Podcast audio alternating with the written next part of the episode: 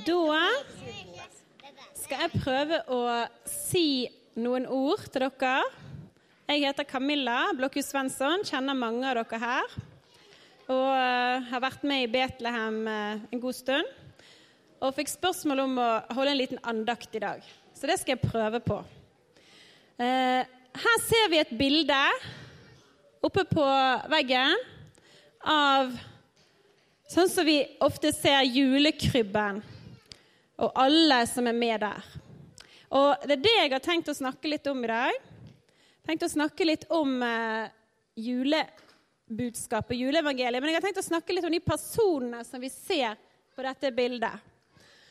Så jeg har lyst til å ha litt hjelp fra dere. da, så Jeg håper det er noen barn her som har lyst til å hjelpe meg litt. Det er ikke vanskelig å hjelpe.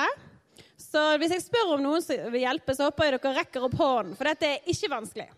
Så da går vi til første bilde her. Og den første som eh, julehistorien begynner med, det er jo Maria. Maria hun var ikke så veldig gammel når engelen kom til Maria. Og hun fikk et spørsmål Hun fikk ikke et spørsmål, hun fikk et budskap av engelen. Bare, la han komme.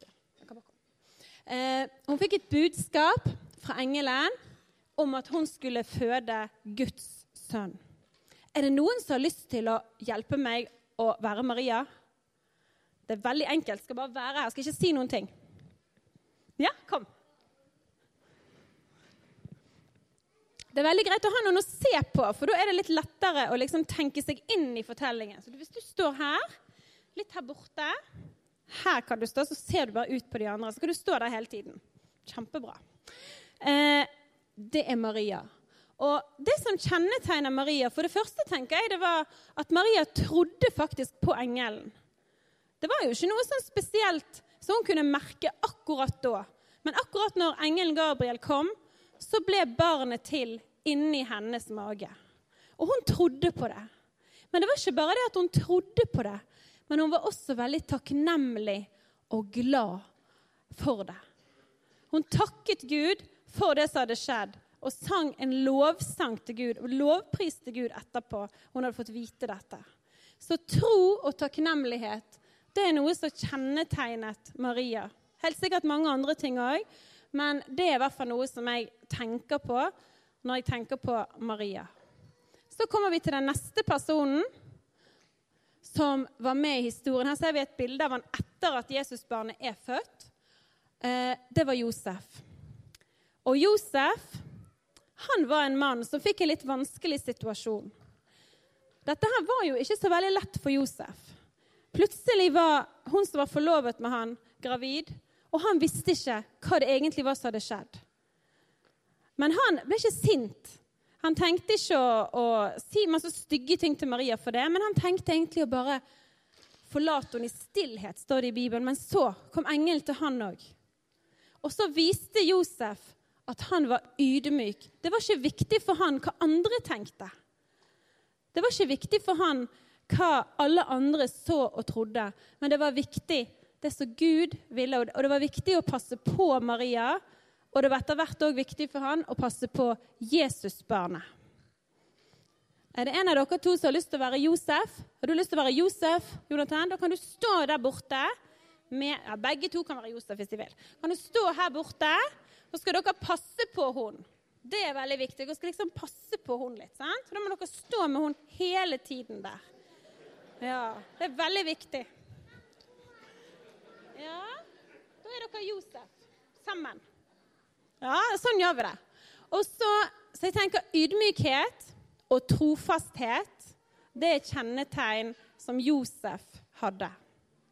Han holdt seg til Maria, og han var nok en veldig veldig viktig person i Jesus sin oppvekst og Jesus sitt liv. Så går vi videre til selve kvelden det skjedde. Hyrdene på marken. Da må vi ha noen. Vi må ha kanskje tre hyrder. Er det noen som tør? Ja, Rakel Karoline, kom opp. Det er flere. Noen her borte. Opp med hånden. Der har vi en. Nei, ja, kom, kom, kom. Ja, da, Vi kan godt ha fire hyrder. Det gjør ingenting heller. Så Vi skal ha flere etterpå, så vi venter litt med de andre. Men nå var en til deg, ja. Kjempebra. Da kan dere stå litt sånn her borte. Her har vi hyrdene. Og hyrdene, de, eh, de opplevde jo en veldig, veldig stor eh, hendelse. Når plutselig en engel møtte de ute på markene. Plutselig kom engelen, og de hadde aldri helt sikkert ikke sett noen engel før. Og Det var ikke bare det at det kom én engel, men det kom et helt kor av engler som sang og fortalte dem hva som skulle skje. Og de sa òg noe til dem at dere skal gå og finne dette barnet som ligger i krybben. Dere skal finne dette barnet. Og hyrdene Det var ikke sånn at de tenkte at nei, det gjør vi ikke. Nei, de var lydige. De gikk sånn som englene hadde sagt. Og de hadde òg en forventning. De lurte på hva er det vi vil få se. De hadde lyst til å finne dette barnet. De forventet seg noe stort og noe fantastisk. Og de skjønte at det hadde skjedd noe helt, helt spesielt denne kvelden. Så Det neste som skjedde Dette tror jeg egentlig skjedde når Jesusmannen var blitt litt større, kanskje. Men allikevel så snakker vi ofte om de om, eh, i forhold til denne kvelden når Jesusbarnet ble født, og det var de vise menn. Vi tror ofte at det var tre stykker. Nå er det tre stykker som er klare for å komme opp. Har vi tre til? Det er én, to. Kom opp her. Har vi en til? Ja, det går fint med to også. Ingen fare. Vi har jo en ekstra Josef, så det gjør ingenting. Sånn. Ja. Så de vise menn de kom jo langt, langt vekke fra, og de, de skjønte at det var noe spesielt på gang. De så på himmelen, og de kunne se tegnene som var på vei. Eh, så de hadde stor visdom. De visste mye. Men de hadde òg et mot. For de gikk, selv om de ikke så på en måte hva som var på andre enden av denne reisen, så gikk de De la ut på en lang, lang reise og de var klar for å gå. De var modige. De våget å gå.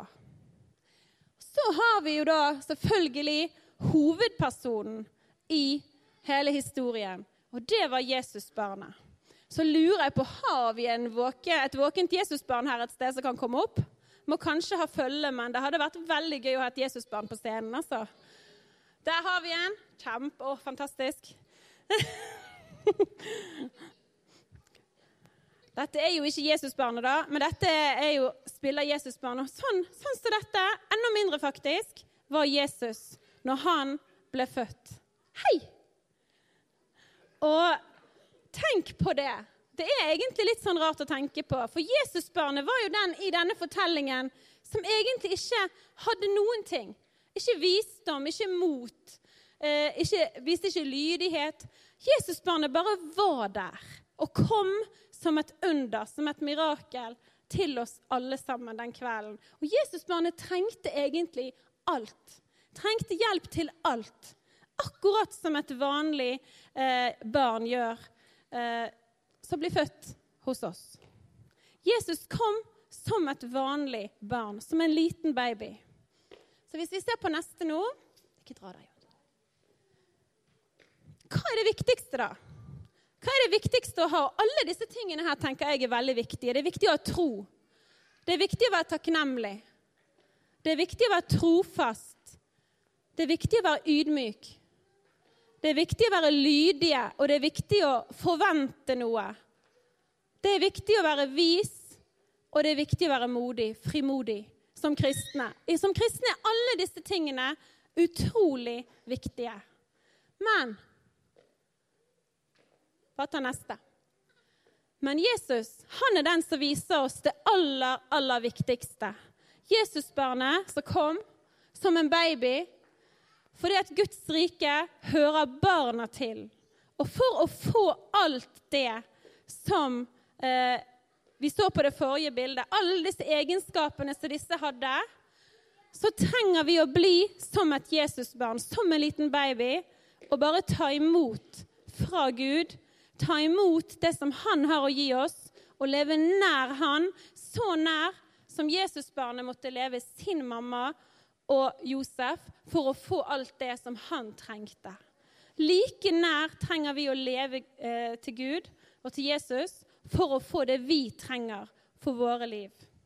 Og Det tenker jeg er det aller største og aller viktigste budskapet i juleevangeliet. At barnet blir holdt fram som det største av alt. Takk for meg.